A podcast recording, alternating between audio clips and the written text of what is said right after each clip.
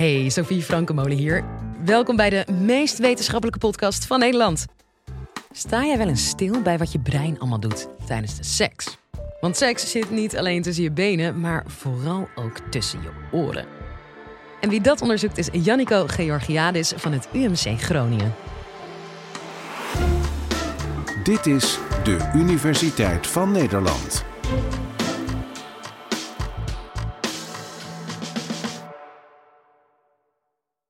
Seks voor de lol heeft dat nut. Ja, het heeft nut. dat is wel heel kort, hè? Wat ik onderzoek is hoe het brein omgaat met seksueel gedrag, hoe het seksueel gedrag aanstuurt. En ik ben met name geïnteresseerd in het seksuele genot, hoe het brein dat voor elkaar krijgt. Ik denk dat er heel erg veel focus is in ons onderwijs, maar misschien ook wel in onze maatschappij op de uh, voortplantingsfunctie die seks heeft. En eigenlijk te weinig aandacht voor de andere functies die seks heeft. Een van de hele belangrijke, in ieder geval effecten van seks, is dat het uh, voor de meeste mensen erg plezierig is. Of in ieder geval dat het een hele intense ervaring is. En wat ik denk, is dat die ervaring in heel veel gevallen belangrijker is dan de voortplantingsfunctie. Wij als mens, als dier, zijn uh, door de ontwikkeling van ons uh, brein als het ware geëmancipeerd geraakt van de voortplanting. En het effect daarvan is dat andere gevolgen van seks eigenlijk belangrijker zijn geworden dan die voortplanting. Bijvoorbeeld het positieve gevoel dat je ervan krijgt. Paradoxaal genoeg leidt dat tot een heleboel voortplanting.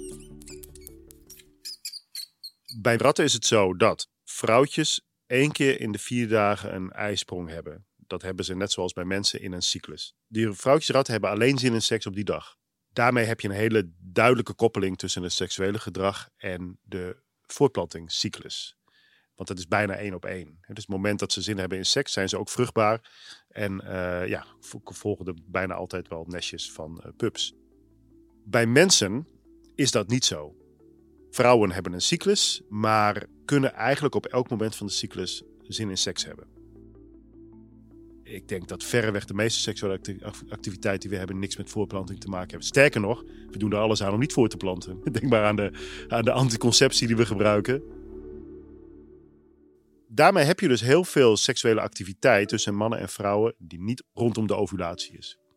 En dat is interessant, want die seksuele activiteit die je hebt, waarbij je eigenlijk nooit een zwangerschap zou kunnen uh, bewerkstelligen, die bewerkstelligt denk ik wel iets anders. En dat is dat je daar een ervaring mee opdoet.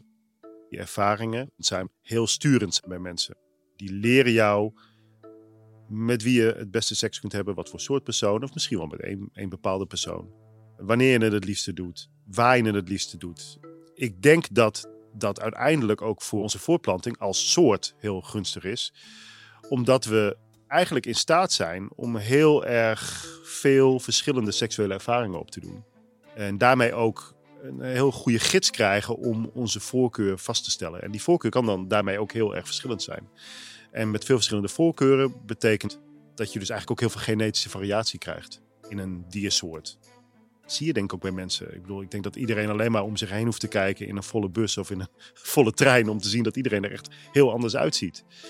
Uh, en ik denk dat dat een van de redenen is waarom de menselijke soort zo succesvol is. Het heeft dus niet te maken met het feit dat je per se heel veel nageslacht produceert. Maar wel dat je nageslacht produceert met een vrij grote genetische diversiteit. Op een globale schaal. Uiteindelijk is de kunst bij seks, bij elk dier wat bestaat, en zeker ook bij mensen, hoe doe ik het op het juiste moment met de juiste persoon op de juiste plek? Dat is, dat is de kunst. Hoe laat ik er dan bloedstromen naar mijn geslachtsdelen op het juiste moment? Daar is je brein heel erg belangrijk voor. Dus uh, ja, een van, de, van de belangrijkste hersensystemen voor seks is het beloningssysteem. De systemen in de hersenen die daarvoor van belang zijn. Diep in de hersenen. Hersenkernen die dan ook weer communiceren met uh, de gebieden van de hersenschors. Die worden vooral heel erg beïnvloed door de stof dopamine. Het is eigenlijk te vergelijken met ander belonend gedrag, zoals drugsgebruik. Maar bijvoorbeeld ook de zin in eten die je krijgt als je uh, de frituurvet ruikt. Dat is eigenlijk ook waarvoor je dat dopaminesysteem nodig hebt. Om ervoor te zorgen dat jij op het juiste moment ook gemotiveerd raakt, de juiste prikkels herkent. Het zorgt ervoor dat je gaat bewegen richting die prikkel. Dus dat je ook daadwerkelijk Dat je niet alleen maar zegt, oh, hey, dat is leuk, ik heb een prikkel opgevangen en dat vind ik een aantrekkelijke prikkel. Maar ook dat je je motoriek die kant op gaat. Want dat is natuurlijk heel belangrijk. Je moet ook dichtbij komen. Dus het hele systeem is erop gericht om, om gevoelig te zijn voor die prikkel. Maar dan vervolgens ook genoeg motivatie te hebben om de inspanning te leveren om ook daadwerkelijk die drempel over te stappen en er naartoe te gaan. Prikkels kan echt van alles zijn en dat neem je waar met al je zintuigen. Je kunt het ruiken, je kunt het horen, je kunt het zien, je kunt het voelen. Prikkels kunnen ook uit je lichaam komen. Als ik een erectie heb, dan voel ik die van binnenuit ook. Als ik een orgasme heb, dan voel ik dat van binnenuit. Als ik, uh, als ik vlinders in mijn buik krijg, letterlijk, omdat ik iemand aantrekkelijk vind, dan, dan is het een gevoel wat uit mijn lichaam ontstaat.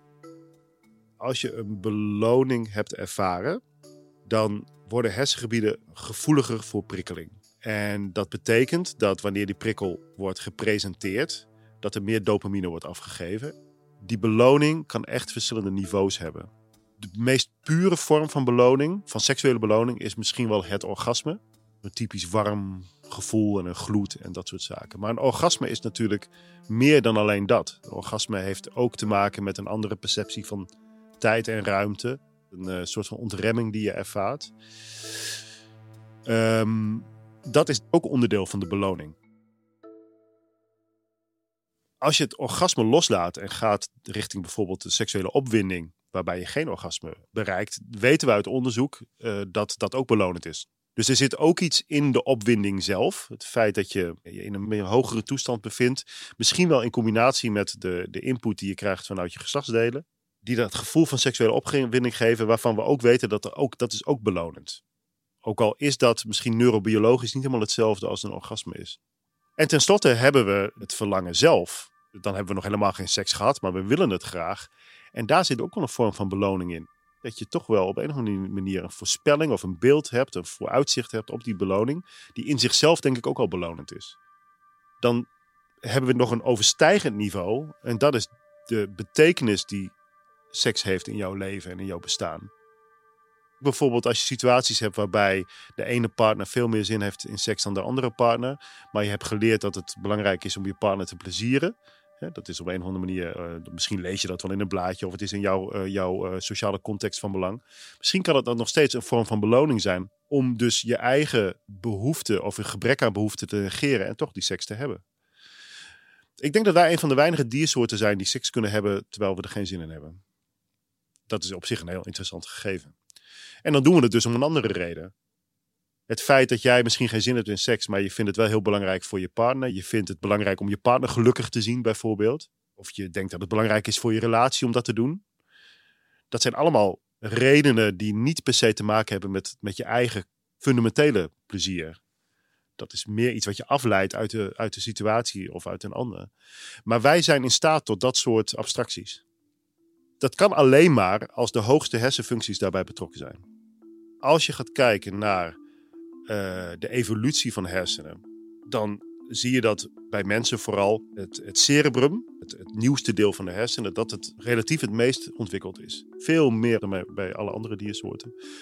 Uh, dat cerebrum is voornamelijk bedoeld om betekenis te geven aan alles wat je doet. Dat is voor seks uh, helemaal zo je geeft dat betekenis, daar kun je niks aan doen. Dat, dat is iets wat je automatisch doet. En daar zijn zeker die hogere hersensystemen heel erg belangrijk voor. Wij kunnen dat beloningssysteem beïnvloeden, inzetten voor een hoger doel. Dat is echt een kenmerk van uh, menselijke situatie.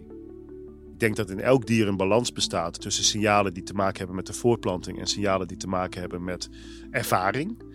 Maar dat in mensen die balans eigenlijk het vers doorgeslagen is richting de ervaringen, of misschien wel de betekenis. Ik denk dat dat een gevolg is van hersenevolutie.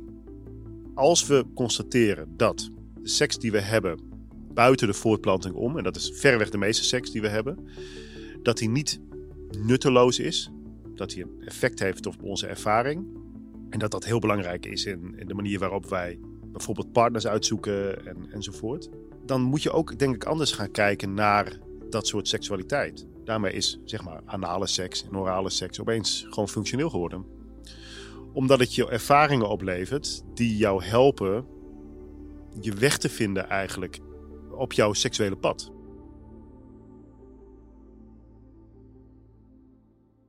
Dank je Jannico voor dit interessante kijkje in ons eigen brein.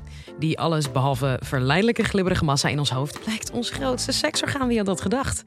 Hey, en als je nog zin hebt om wat te luisteren, we hebben nog veel meer mooie podcastafleveringen. Abonneer je, dan mis je niks. Heb je ook altijd een leuk weekje om te vertellen, want daar maak je indruk mee. Op feestjes. Hey, bedankt voor het luisteren en tot de volgende.